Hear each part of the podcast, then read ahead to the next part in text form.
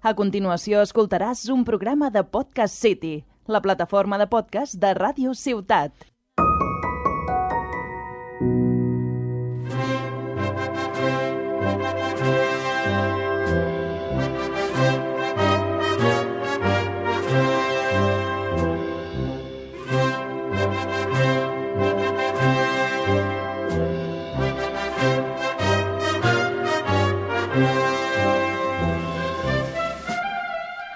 Acabem d'entrar al mes de desembre i això significa començar amb els preparatius de Nadal.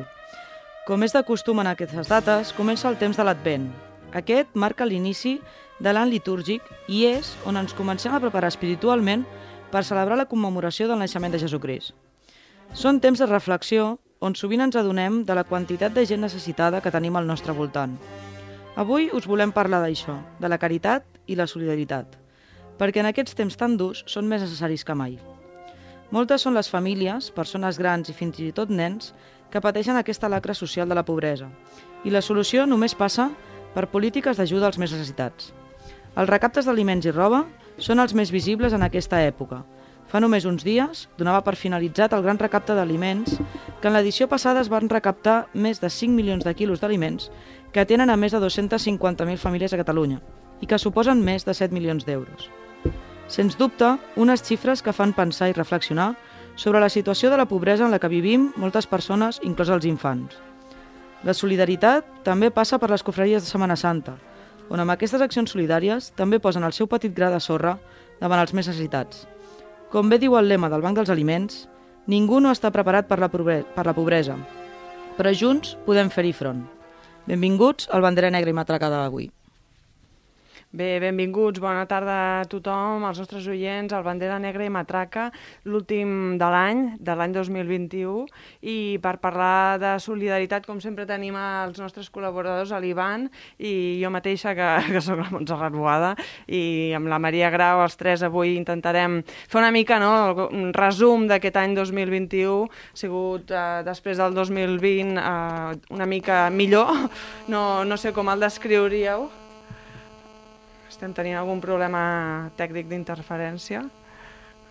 Menys mal que tenim aquí uns tècnics que són, són els millors, però bueno, si no, doncs ara, ara Doncs com sí. deia, crec que no, aquest podem aprofitar una miqueta aquesta intro del programa per valorar com ha sigut aquest 2021, el qual bueno, vam poder eh, fer una miqueta més que el 2020 a nivell de Setmana Santa, a nivell d'actes i de participació, però bé, encara penso no, que va ser ens vam quedar encara amb l'espineta de poder sortir al carrer, però aquest, a finals d'any esperem que, que està millorant la cosa, tot i que ara mateix sí, no, està ahí, ahí. Hem d'anar amb peus de blom perquè si ara noves variants, ara... Bueno, al final és una cosa amb la que haurem d'aprendre a conviure, com hem anat dient, i, i haurem d'anar una miqueta allò al dia a dia, no? I de moment, doncs, bueno, si podem anar fent cosetes i podem anar sortint, doncs ja, ja, ja és algo, per almenys treus aquesta petita espina i bueno, esperem que, que salimos. Sí, al cap i a la fi ha estat un any reactiu, ha estat, una, ha estat un any de tornar a trobar-nos, tornar a començar parlant de tot, tornar a començar a preparar i, i a poc a poc al final eh, les coses han de tornar, han de tornar on eren. I, I no queda un altre, no queda un altre que seguir, no queda un altre que treballar i tornar a fer pinya. Aquest 2020 eh, i aquest 2021 la, la pobresa s'ha fet més visible que mai, com deia la Maria al començament, no? en molts casos ha afectat a persones que mai s'havien trobat en aquestes circumstàncies, no? a persones que poden ser els nostres veïns, germans, cosins o amics, no? a molts restaurants tancats, moltes empreses que han hagut de reduir personal, eh, però les, eh, les confraries en aquests moments són quan han de, han de, de reneixer i han d'estar de, més actives que mai.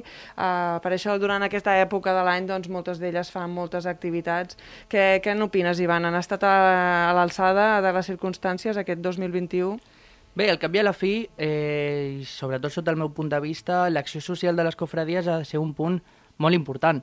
Eh, potser Tarragona no ha estat tan, tan, tan arrelat no? I, i són accions puntuals. Eh, si mirem de cara a altres, a, altres a cofradies o hermandades de la resta del país, eh, elles tenen una, inclús un, una secció molt important i molt activa durant tot l'any, inclús un pressupost destinat exclusivament a acció social en general, ja sigui recollida tant d'aliments, roba, joguines, aliments, eh, com ajuda, ajuda de tot tipus, eh, però al cap i a la fi eh, hem de treballar, hem de seguir treballant en, en aquest aspecte, hem de, hem de col·laborar amb les diferents entitats, hem d'obrir les cofradies i les, i les germandats de Tarragona a les diferents entitats i externalitzar una miqueta aquesta acció social i sobretot fer-la visible, perquè ens trobem moltes vegades que fem i organitzem des de les diferents entitats i ningú s'entera, que està molt bé, però al cap i a la fi, si es pot, eh, si es pot donar a conèixer, es pot donar, fe, eh, es pot donar veu i, i, i aquest boca a boca pot acabar d'arribar a la resta de la societat seria molt més positiu. Potser no seria mala idea valorar una col·laboració o una coordinació conjunta de totes les confraries en aquest sentit de cara al futur, no? Potser la unió fa la força i, i en lloc de dividir-ho, doncs eh, clar, fer una acció clar, conjunta, no? que les confraries també, o al final són una realitat social del, del que es viu al carrer, o sigui, dintre d'una confradia igual tens gent mm, que per sort doncs, no passa penúries, però també tens molta gent que pot passar doncs, aquestes penalitats, no? Llavors, al final, és un reflex de la societat. I molta gent disposada a ajudar, Exacte, la, part sí, sí. contrària, no? Com deia l'Ivan, o sigui, hi, ha, hi ha altres llocs on hi ha cofradies que inclús tenen residències d'avis, la pròpia cofradia. Llavors dius, bueno, està clar que aquí això ara mateix és, és una mica impensable, però, però bueno, si a poc a poc doncs, entre tots podem anar ficant aquest granet de sorra i com diu la Montse, diu, al final la unió fa la força i potser fer, no sé, si des de l'agrupació o des de... Dic l'agrupació perquè al final és qui engloba totes les cofradies, no? Però poder aglutinar aquest tipus d'accions doncs, doncs seria un punt bastant favorable. Ara perquè és Nadal i bueno, sempre són, són unes dates on la gent encara ho nota més, no? Però al final qui passa gana, per desgràcia, passa gana tot l'any, no, només, no només per Nadal. Igualment jo crec que eh, en aquest aspecte, en aquest punt, han de ser les pròpies cofradies les que han de tirar del, del carrito, no? Eh, perquè al cap i a la fi eh, totes estem, eh, estem eh, distribuïdes per, per, la, per el que és la ciutat de Tarragona, cadascú té la seva parròquia, té els seus contactes i al cap i la fi està molt bé no? que cadascuna eh, tingui, perquè les cofradies al cap i a la fi tenen una realitat social, cultural i no només religiosa. Llavors, eh, hem de treballar en aquest aspecte.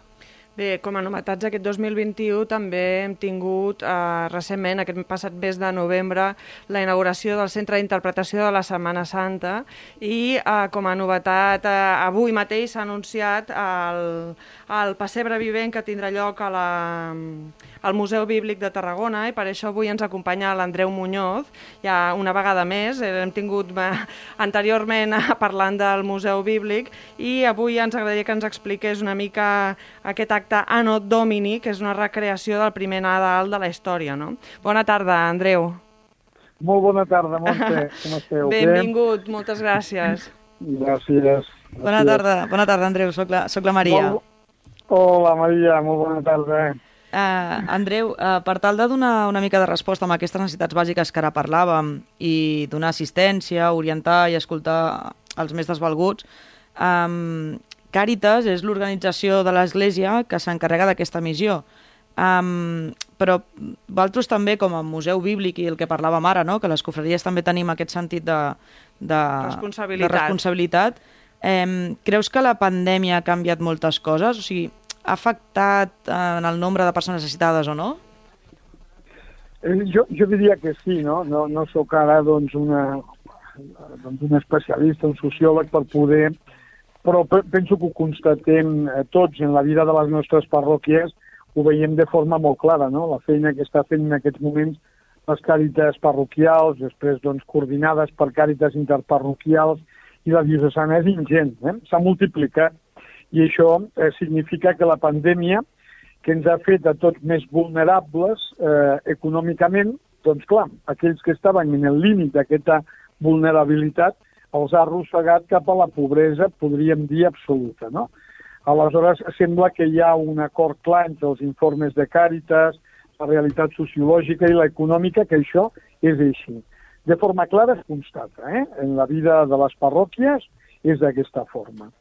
Per tant, clar, la pandèmia ha tingut entre moltes conseqüències de caràcter psicològic, que és una altra forma també eh, de mancança i de pobresa, doncs aquesta conseqüència en les llars, a vegades, fins i tot en, el que és el sosteniment eh, bàsic, no? en les necessitats bàsiques. És, és així, eh?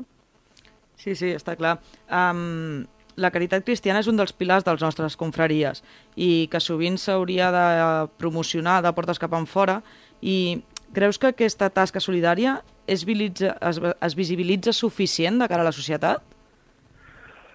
Aviam, l'Església, des dels seus orígens, ha tingut com tres pilars fonamentals. No? Un és la pregària, per suposat, no? Eh, està al, al voltant no? de la taula i, i per tant, doncs, eh, compartir aquesta realitat de comunió eh, entre tots els cristians. Hi ha una dimensió eh, missionera, eh, d'evangelització, però després, en el primer dels moments apostòlics, la caritat que la paraula càritas és amor, eh? és, és d'alguna forma és justícia, és eh, solidaritat, és, evidentment ha format part de la, del nostre ADN eh, cristià durant tots els segles. I jo penso que el nostre grau de sensibilització d'aquest aspecte, doncs, eh, podríem dir, caritatiu, sempre, sempre ha estat present en la història de les nostres comunitats cristianes clar, les, les entitats que configurem la Setmana Santa de Tarragona no són més que una porció d'aquestes comunitats cristianes, d'acord? Per tant, la, la, la, la sensibilitat eh, per a aquest tema jo crec que es manifesta en tothom.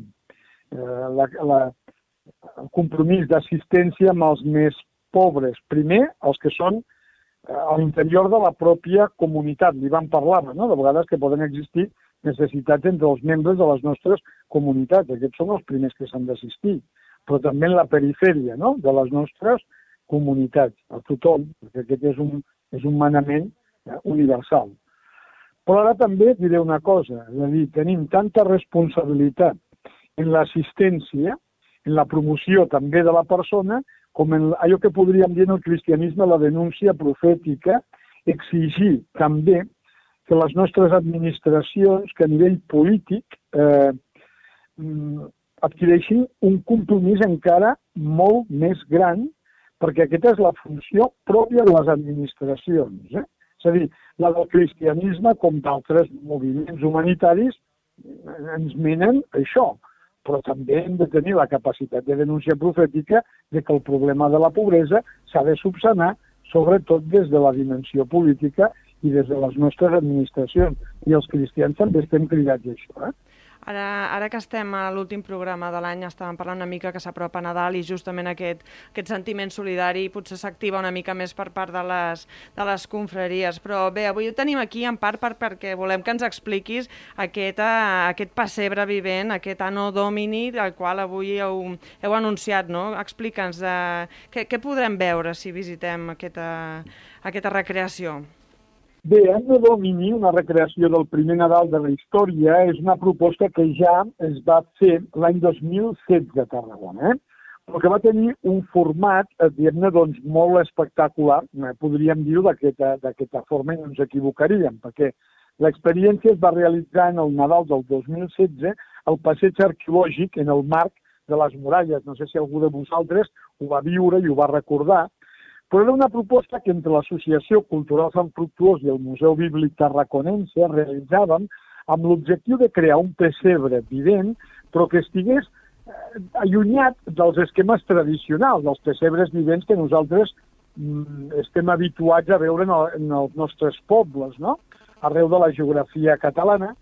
Aquesta era una proposta d'un pessebre vivent des d'una dimensió de reconstrucció històrica. Això que fem a, a Tarragona, d'intentar explicar la història, doncs transportar-la als orígens de la cultura cristiana. I, per tant, la gent travessava tota una sèrie de quadres escènics que començaven per l'entrada del passeig arqueològic eh, aquí a l'Avinguda Catalunya i sortien doncs, pel, pel passeig ja, eh, pel passeig Torroja, oi?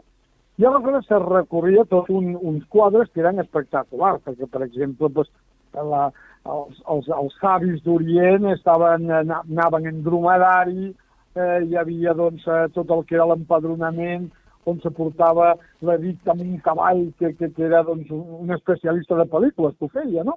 que portava doncs, l'edit una, tota una reconstrucció de la casa hebrea, dels soldats, del vestuari. Aquest, eh, aquest espectacle tan bonic que va pràcticament aglutinar 1.200 persones, eh? I que es va anunciar per tota Espanya perquè es va, eh, va ser sponsoritzat pel cort inglès. No? Això va mm. tenir un gran èxit. Quan es va tornar a fer, es volia tornar a fer l'any següent, les administracions no eh, van acompanyar mai més. Eh? Tot i que l'espectacle era solvent, penseu que pràcticament l'espectacle costava uns 15.000 euros en aquell moment, però ja 1.000 persones que van venir amb 10 euros, que, que van pagar l'entrada, ja pràcticament arribàvem doncs, al, a, la, a, a, a, a pagar l'espectacle, oi? Què es tractava? De que les administracions garantissin que si realment plovia o hi havia una, un problema de caràcter meteorològic o qualsevol cosa es pogués afrontar les despeses, no? bueno, doncs això no va ser possible. Aquest any ens van fer la proposta de repetir aquesta experiència, però, evidentment, això va ser una invitació de l'Ajuntament pràcticament fa un mes mig aproximadament, i aleshores vam dir, el més interessant és poder reconstruir de nou com ho vam fer en el 2016, però per què aquest any no fem la mateixa idea en petit format? I d'aquesta forma la proposta és fer en petit format un pessebre vivent al pati del Museu Bíblic on se recrea la casa hebrea, tal com pressuposem que Crist va néixer dintre d'una cova, però en els baixos d'una casa de la ciutat de Babilè. No? I, i la, la gent que ho visita pot anar recorrent les diferents escenes, però amb una explicació, podríem dir, eh, de caràcter històric, hermenèutic, és a dir, bíblic, perquè tinguin aquesta visió de com va ser el naixement de Crist reconstruït des de la història i des de l'arqueologia. Aquesta és la idea fonamental veuran en petit format allò que vam veure en el 2016, però amb l'objectiu de que el Nadal del proper any pugui tornar a recuperar l'espai de les muralles. Això, no té... Això tindrà lloc els propers dies 17, 18 i 19 de desembre, oi? Hi haurà diferents passis, imagino. Perquè pinta que tindrà cada èxit. dia, de divendres, dissabte i diumenge, que és 17, 18 i 19, hi haurà un pas a les 18 hores, a les 19 hores, a, la, a les 20 i a les 21 hores, no? on acollirem a 50 persones. Aquestes persones podran entrar de forma gratuïta, però és a partir del 9 de desembre que surten les entrades en aquesta plataforma, eh, no em recordo ara... Sí, Event, Eventbrite. Event, Eventbrite. Eventbrite, exacte. Eventbrite. Eh? Que si això entreu de fet a les nostres webs, ho trobareu perfectament, no? Aleshores, doncs bé, la idea és que la gent entrarà per la porta del Museu Bíblic, anirà recorrent les sales, tindrà un petit audiovisual que els, eh, els ubicarà en la Judea del segle I, per tal de donar-los una visió històrica, social, i després travessaran a les instal·lacions per anar al pati del museu, on allà, doncs, amb un seient reservat, podrem anar resseguint totes aquestes escenes reconstructives amb un sticker, amb un uh, monitor que anirà doncs, eh, incidint en els aspectes, diguem-ne, reconstructius que es presenten. És una proposta molt bonica, eh? la veritat és com, com si estiguessis en una, eh, una lliçó d'història, eh? però ambientada doncs, amb aquesta dimensió escènica que jo crec que agradarà molt. Fantàstic, doncs a veure si segur que tindrà molt d'èxit, ja segur, els, almenys els més impetits de la casa, no?, que puguin disfrutar d'aquesta oportunitat. Però ja que et tenim aquí, tampoc volem deixar de passar i de preguntar-te sobre el, el flamant i innovador eh, Centre d'Interpretació de la Setmana Santa que vas bueno, es va inaugurar aquest mes passat. Uh, Andreu? Sí, ah, val, va. Oh, no et sentia, perdona. Uh, sí. Deia que el mes passat vau inaugurar el centre d'interpretació. Explica'ns què podem trobar pels amants de Setmana Santa, que ens agrada. Bé, penso que va anar molt bé aquesta, aquesta inauguració no, de l'espai. Eh, molta gent venia a fer doncs, la, la inauguració al pati, eh, vam eh, fer una projecció eh, molt maca no? que s'ha realitzat sobre... És a dir, l'espai està ubicat en el que seria l'antiga sala d'actes, no?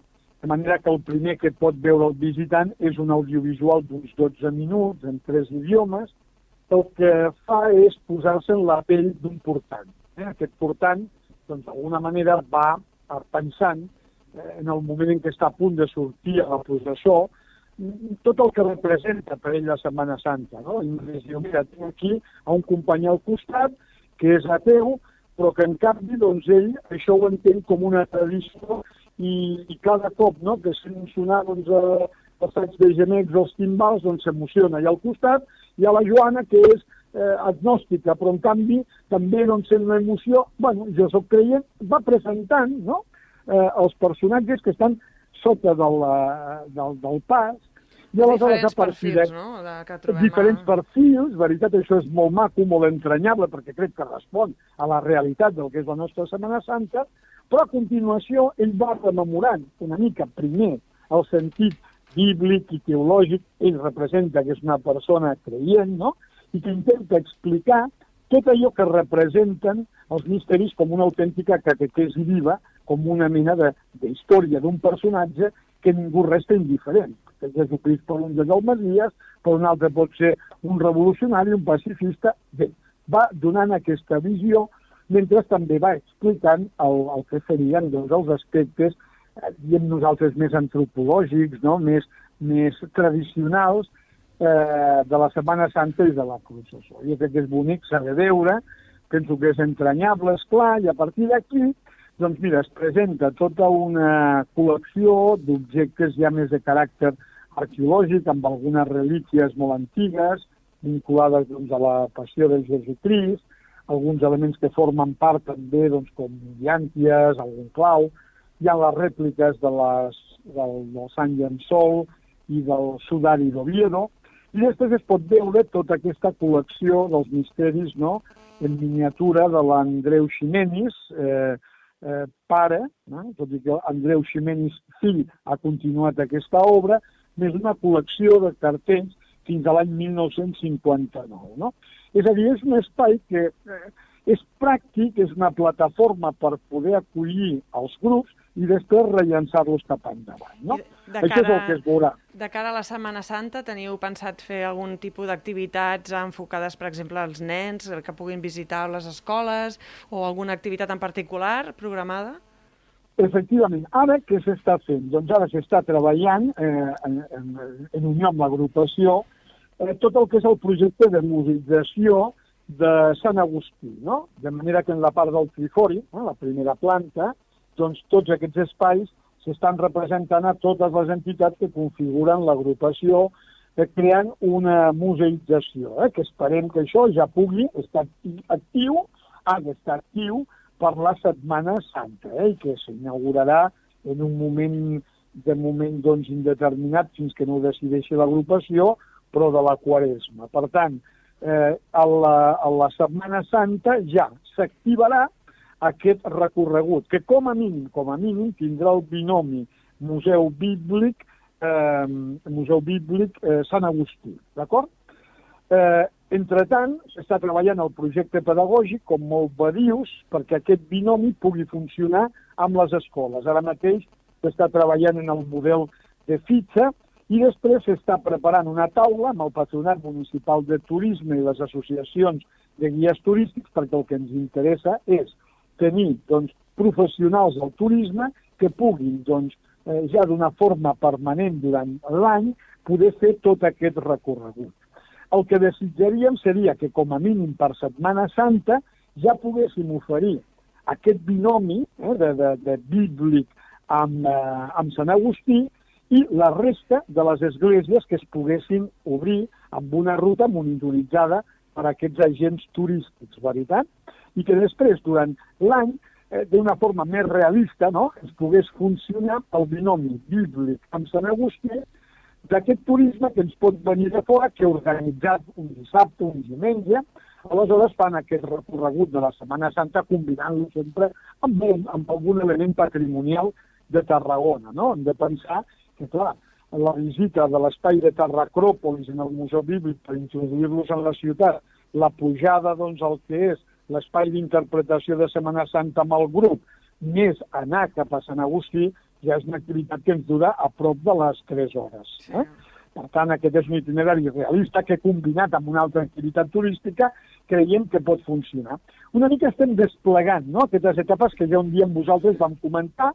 De moment estan funcionant molt bé, volem ser molt realistes, molt sostenibles, per tant anem pas a pas. No? Però aquest primer pas de l'espai d'interpretació i pràcticament els motors ja estan posats en Sant Agustí perquè puguem presentar tota aquesta estructura eh, de cara doncs, a la Setmana Santa, hem de la impressió que estem de sort perquè hem iniciat un camí. Home, jo crec que Tarragona i les entitats de Setmana Santa de la ciutat donen per un, un dia sencer gairebé, vull dir, es pot muntar un, un recorregut eh, o, o varios, vaja. Sí, sí. Uh, Andreu, parlant de, del museu aquest d'interpretació de, de la Setmana Santa, um, ja que ens has explicat com poder anar a veure el Passeig Vivent, quan es pot visitar aquest, aquest, aquest centre d'interpretació? Sempre que, que es vulgui, perquè està obert permanentment eh, amb els horaris del Museu Bíblic, és a dir, cada dia està obert, ¿vale? perquè clar, l'espai d'interpretació funciona a dos nivells. El visitant que ve a veure el Museu Bíblic, sí? eh, l'espai d'interpretació és una sala més, podem dir-ho així, no?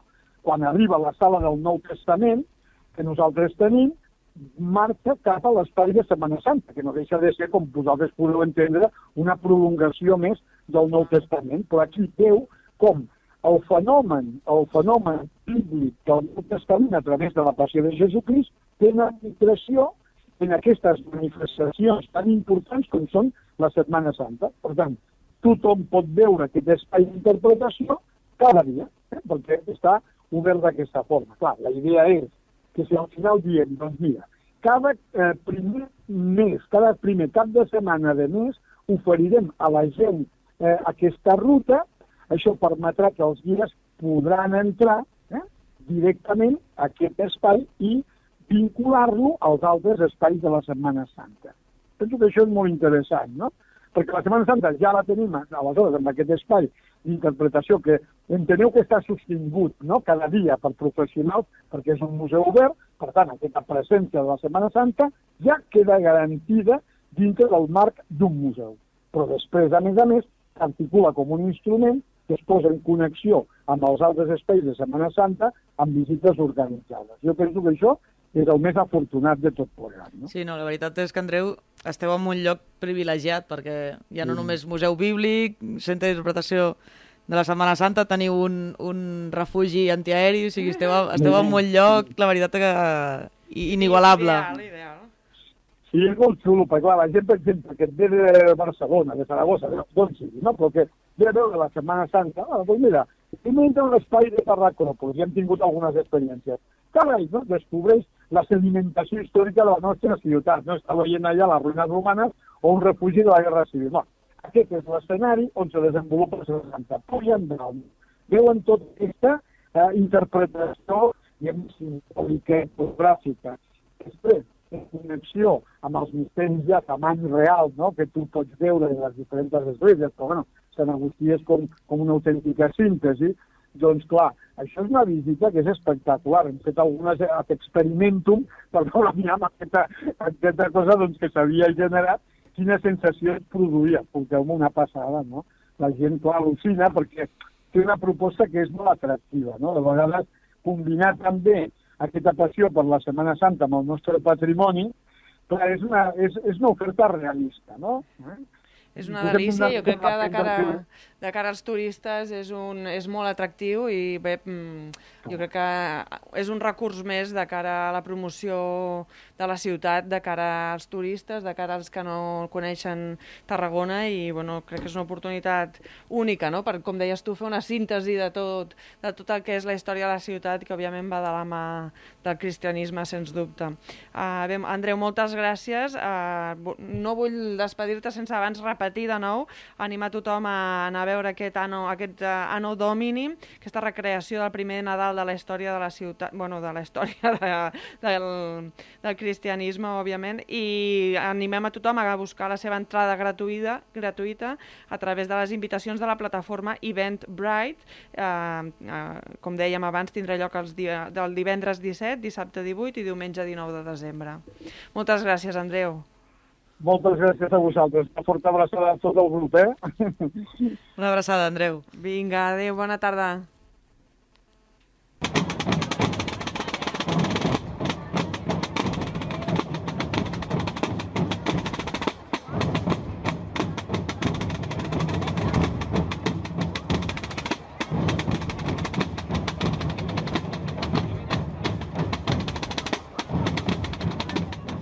Sonen timbals, Ivan, i això és sinònim d'agenda. Sí. Anem a per la secció de l'agenda, crec que és una secció molt important. Eh, tenim molts actes i tenim moltes cofradies que engeguen motors i de cara al Nadal comencen a fer moltes de les seves activitats. Comencem amb el Cristo del Bon Amor. Aquesta cofradía está en plena campaña de recogida de alimentos eh, todos los miércoles de 5 a, a, 9 de la, a 7 de la tarde. Perdón. La campaña de alimentos finalizará el 19 de diciembre a las 11 de la mañana con el segundo ensayo solidario por el barrio del puerto, con salida y llegada a la iglesia de San Nicolás de Bari. El ensayo se realizará con el paso en la calle y todo el que quiera venir a depositar alimentos encima está completamente invitado. Igualmente, la cofradía invita a costaleros, purtans de otras cofradías a que puedan colaborar y llevar el paso conjuntamente. Iván, ¿vas a ir debajo? Por supuesto. ¿Y tú, María? Bueno, aquest any ho tinc una mica complicat pel, pel tema de l'esquena, eh? però Ah. jo encara que sigui una xicota la vamos a hacer. Sí, Bueno. María siempre colabora cuando, cuando, cuando la oportunidad. Igualmente, el día 12 la cofradía organiza una iguala de costaleros a las 9 de la mañana en el almacén del Carrer San Miquel para preparar el próximo ensayo solidario. Todo el que quiera puede participar igualmente. Iván, quin tipus d'al- d'aliments podem portar? Eh, tot tipus d'aliments eh, que no es facin malbé, ja siguin... No perecederos, no? no? perecederos, ja sigui Productes oli... d'higiene, també? Exacte, exacte. Sí, Sabó... sí, sí. Sabó. Tots aquests aliments al cap i a la fi aniran destinats a Càritas, aniran destinats a la, a la parròquia de Sant Joan, que és la parròquia que té la, la cofradia, i antigament eh, acabàvem l'assaig solidari a la mateixa porta del, de la- de de Sant Joan i entregàvem tots els aliments. Enguany hem decidit, la cofradia ha decidit a començar i acabar a l'església Sant Nicolau de Bari per un tema logístic i per un tema al, al cap i a la fi de, de tallar carrers i de, i de, de controlar una miqueta també l'aforament de la gent que hi pugui, que hi pugui anar. Uh, però tots els aliments que, que, que la gent vulgui col·laborar i vulgui depositar eh, els pot portar i els pot, port els pot posar directament damunt el pas. Encara que pesi molt, eh? Encara A que pesi cargar molt. el paso. A cargar el paso. Un, una, una anècdota del primer assaig solidari va ser que quan vam arribar a fa dos anys, que és, és l'últim any que es va fer, vam arribar a la plaça dels Carros, vam haver de baixar el pas, van haver de portar un carrito d'un supermercat i vam haver de treure quilos i quilos de, de, de menjar perquè portàvem molts quilos a, Això a seria, el- sobre. és lo ideal, no? És el que esperem cada any, no? Suposo. És l'ideal. Al cap i a la fi es va fer recompte i van ser més de 250 quilos d'aliment. Llavors, és una activitat eh, que se surt una miqueta de la, de la típica recollida d'aliments, eh, és una activitat eh, lligada a la Setmana Santa, però al cap i a la fi es desestacionalitza el que és eh, Setmana Santa amb Quaresma, i, i es pot donar veu i visibilitat a l'acció social de la, de la cofradia, que és, que és força important. Fantàstic. Estupendo. Y para finalizar, eh, la cofradía el próximo 12 de diciembre a las 6 de la tarde organiza la presentación de la agrupación musical en la iglesia de San Agustín. Eh, el acto será presentado por Andreu Muñoz Jr. y con la intervención sobre las agrupaciones musicales de, de Jordi Bertran. La cofradía està molt emocionada, està molt contenta amb la, amb la presentació de la, de la seva agrupació musical.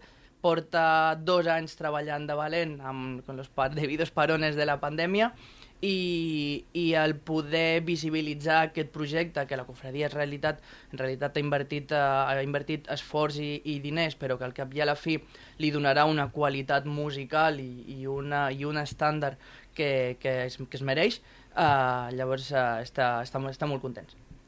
Molt bé. Seguint amb les altres cofradies, la cofradia de l'Ecceomo, com cada any, recollirà els aliments que lliurarà el Padre Mario al, a l'església del, del Loreto. I, igual que l'any passat, es lliuraran aliments al menjador social de Bonavista, on principalment eh, demanen llenties. Per part del Gremi de Pagesos, el passat dimarts 30 de novembre, el Gremi de Pagesos va celebrar la primera Assemblea General Ordinària post-Covid. Com els propers actes que tenen, el dissabte 18 de desembre realitzarà una ruta modernista pels llocs més emblemàtics de la ciutat.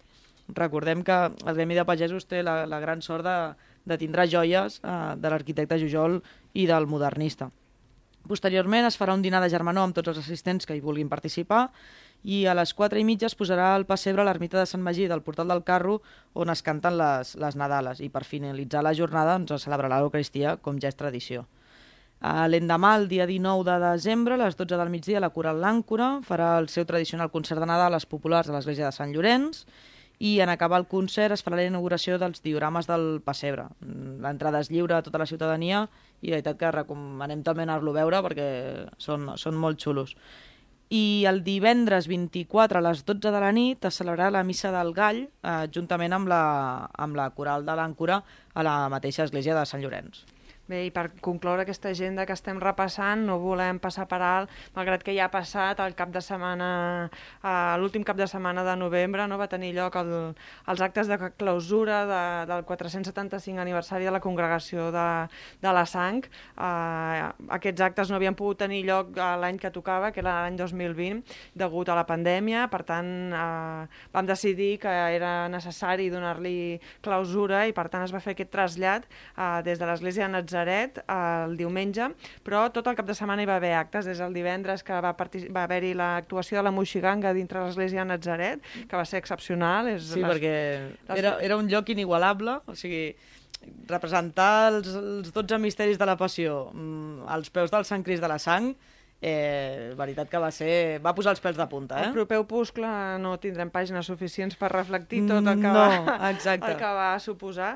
I després el dissabte també va haver l'actuació de l'agrupació musical Virgen del Consuelo de, del Vendrell a la catedral i bé, tot plegat va ser un no parar aquest cap sí, de setmana. Sí, sí, vam estar allò I... quasi, quasi ja Sobretot diumenge, no? Va, sí. Realment com canvia veure una... Bueno, ni que fos un trasllat no? del Sant Cris amb els armats i, i la banda de la flagelació, a, a plena llum del dia, com la gent que estava a la part alta mirava i deia què passa? I tothom preguntava, no? Sí, Però clar, realment... se'ls feia estrany, no?, de dir armats, Setmana Santa, què està passant, no? Us he de dir que vaig sentir el, que el públic tenia ganes. Tothom ens felicitava i deia, muy bien, enhorabuena, qué ganas tenía de ver sí, sí, no, la veritat és que, eh, independentment de, de la missa a, a la catedral, o sigui, mm, els que van poder acompanyar amb el trasllat, veies les cares de la gent mm, que té ganes, no?, de que, de que hi hagi Setmana Santa al carrer i les, la gent t'ho deia, és el que dius la Montse. És que al cap i a la fi han estat dos anys pràcticament sense, sense Setmana, sense, sense Setmana Santa, sense processons i sense activitats al carrer. Llavors, eh, estem mal acostumats, no? Tornar a veure una activitat al carrer ara mateix eh, per molta reconforta, gent... Reconforta, exacte, Clar. exacte. És una motivació extra i des d'aquí el que s'ha d'intentar és, és encoratjar totes les entitats a que no tinguin por i a que sempre amb les coses ben fetes no hi ha cap problema. Hem de, hem de retornar i hem de començar a seguir treballant eh, per tornar a la normalitat, Exacte. a poc a poc, però s'ha de tornar. I al final, no ens enganyem, és el que hem dit sempre, o sigui, ja no és només el fet de la gent que surt amb la cofreria a la professor, és, és el moviment um, que genera. ma, mal dit folklore, perquè ens entenguem, que genera, o sigui, és, al final és un esdeveniment cultural, religiós, però també és un fet cultural. I està clar que la gent... La societat necessita Necessita cultura. aquestes coses, no? I ja ho parlàvem amb el, amb el Jordi Bertran, en el primer programa, que al final mm, la cultura ha de tornar a sortir al carrer, ens hem de tornar, hem de tornar amb aquesta normalitat. Lògicament ens adaptarem a totes les mesures que siguin necessàries. Farem les mascaretes dels colors que faci falta. Exacte. Home, a veure, jo crec que una de, un dels punts claus de la Setmana Santa serà veure cada cofradia amb el color de la seva vesta amb la mascareta i el logo a la mascareta. Bueno, eh? un exemple és el pròxim assaig solidari que farà el Bon Amor, al cap i a fi es veuran a tots els portants amb el costal i cadascú la seva mascareta. Eh, és una manera de veure de com els actes es poden adaptar i es poden seguir fent i realitzant-se.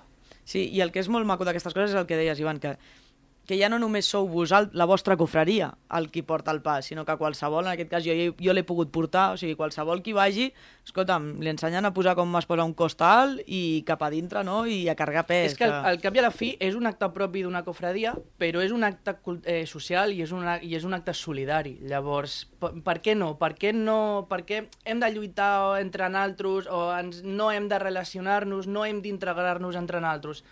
Tot el contrari la, lo bonic és eh, d'un acte eh, solidari que hi pugui participar quanta més gent millor i quanta més gent pugui, pugui integrar-se i pugui conèixer la realitat d'una entitat pròpia, eh, que ho pugui fer. En aquest cas, sobretot, és molt important la integració al barri no?, que esteu construint i que jo crec que els veïns ho agraeixen, no? Amb 250 quilos, com deies, és, és una mostra clara de que sí, la perquè al cap i a la fi el barri del Port de Tarragona és un barri que ho està passant malament, és un barri que està que està força deixat eh, institucionalment, que està que està molt brut, que, que, que té una realitat social i econòmica difícil, potser unes, del que és el nucli de la ciutat, una de les més, de les més difícils, i que hi hagi una entitat que decideixi llançar-se al carrer i recollir 250 quilos d'aliments, en aquest cas eh, ho, ho agraeixen. A veure, al final, ja sabeu que a mi m'agrada ficar el llaga, però l'Andreu ho ha dit també molt clarament. O sigui, nosaltres podem fer molta feina a través de les cofreries, però si les administracions no acompanyen, mmm, tens molt a perdut, i és així. O sigui, clarament, ens gastem 20 milions d'euros amb un submarí que ni flota, mm quan hi ha molta gent que està passant gana i dius...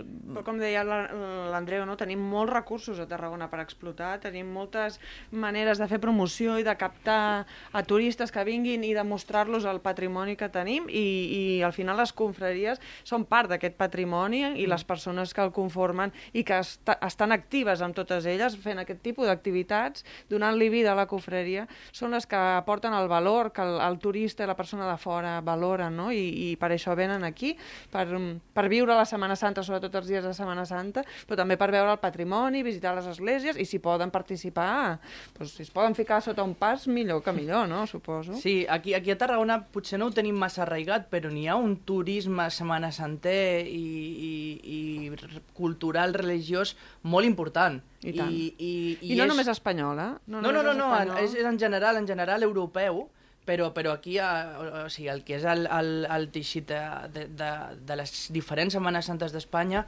eh, n'hi ha, ha, un, ha un moviment molt important, n'hi ha molta gent que organitza moltes sortides, visites, i n'hi ha molta gent que simplement va de vacances i el primer que fa és veure, voy a ver qué Semana Santa tienen, qué iglesias tienen, i me lo voy a verlo. I no només parlo d'Andalusia, Perdú, de la zona de Llevant, de, de Elche, eh, Múrcia, Cartagena, parlo de la zona de Castella, sobretot, eh, vam estar a Valladolid a l'encuentro i, i, i ho vam veure, i vam veure com les, cofre, les mateixes cofradies exploten els seus recursos i no en un sentit econòmic, sinó en un sentit uh, cultural, bueno, i econòmic també, perquè al cap i al fi és important, sobretot perquè destinen part de les seves, dels seus recursos en acció social i ajuda social, però és una manera, també és una manera de mantenir. Ens hem de recordar que, ah. que el manteniment eh, de totes aquestes... Eh, de totes aquestes... Mm, Aquest patrimoni, no? De, de tot el patrimoni, i, i no només el patrimoni propi de la cofradia, sinó la, la mateixa església no deixa de ser patrimoni, i, són, i a nivell institucional eh, per mantenir una església, sobretot que està cedida o és, és, és, calen molts diners, llavors, al cap i a la fi, si no explotem els nostres recursos, que els tenim, és, tenim forces dificultats. Clar, no? al final ens hem de treure nosaltres les castanyes del foc, és així, i eh, ja siguem accions solidàries d'una altra manera, però al final hem de ser nosaltres els que, els que tirem del carro, perquè ningú ho farà per naltros, està clar, perquè al final cadascú mira per lo seu, no? I, i és normal i és lícit, però bueno, si les cofreries doncs, podem anar posant aquests granets de sorra a poc a poc, al final tindrem, tindrem el, els fruits, no? Quan qui sembra I aquí recull. el, jo crec que qui té la clau i la paella pel mànec són els joves, és el futur sí, no, no, està el claríssim. relleu, el relleu de, de cada confraria és qui ha de treballar per buscar idees noves, com la, el recull d'aliment solidari de, del Cristo Bonamor és una superiniciativa i coses que siguin atractives i que no només interessin els que estem Clar, dintre, sinó els que estem sempre. fora. Al final, la visió que té un jove de 20 a 30 anys no la té una persona de 60-70, perquè és lògic, perquè és el que ha viscut i és el que dèiem, no? A vegades hem de renovar. I segurament quan ho van proposar, mm, qui ho va proposar, hi havia reticències dintre de Junta i potser estem fora d'època de quaresma, això no, no baixarà ningú, fa fred... Al cap i a la fi hem d'entendre el que és la cofradia 2.0, no? O Clar, 3.0 sí, sí, sí, no, no, o és que és així. 4.0. Edición beta. És així. És així, ens hem d'adaptar al segle XXI, ens hem d'adaptar a un món tecnològic i a un món informatitzat, ens hem d'adaptar a un món on les xarxes socials avui en dia són, no diria el Claus, 100% són importants, són claus. I, I moltes vegades pequem de dir, bueno, és que no ho fem perquè és que millor es connecten dues persones. Mira, nosaltres a, a la sang, des de fa un parell de mesos, el, el, segon, el primer o el segon divendres de cada mes, depèn de com caigui, durant 15-20 minuts eh, fem un directe pel Facebook enfocant el Sant Cris perquè tota aquella gent que no es pot acostar a l'església doncs pugui resar, pugui fer el que Pugui cregui que, el que d'això.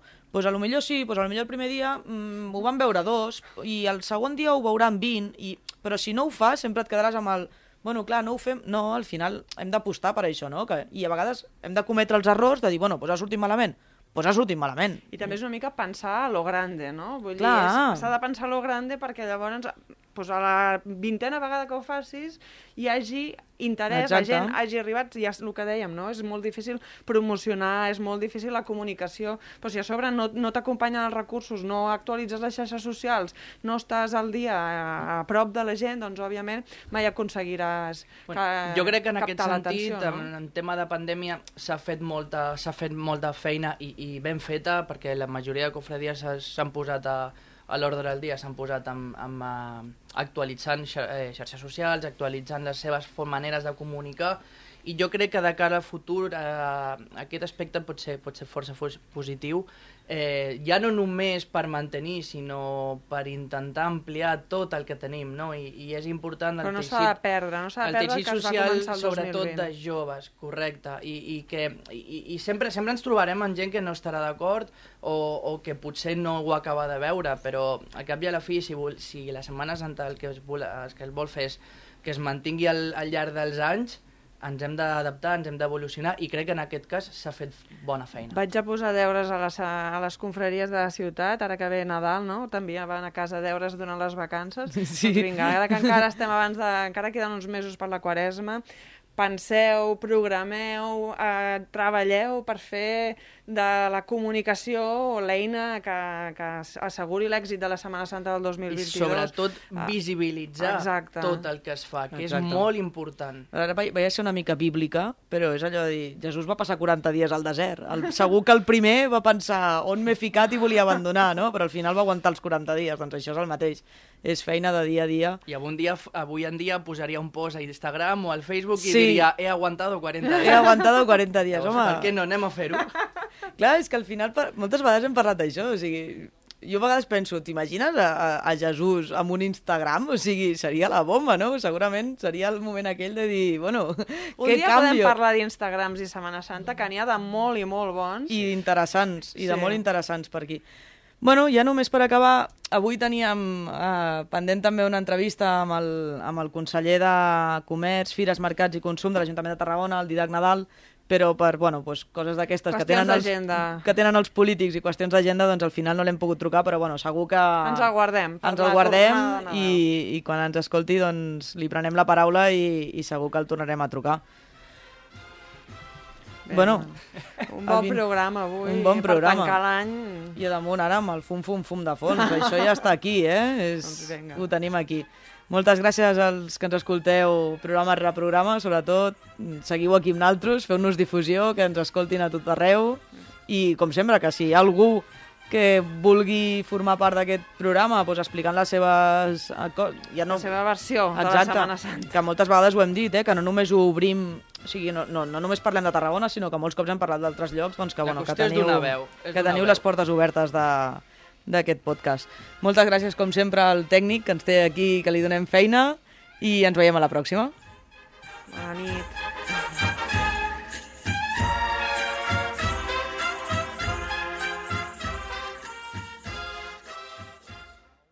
Has escoltat un programa de Podcast City, la plataforma de podcast de Ràdio Ciutat.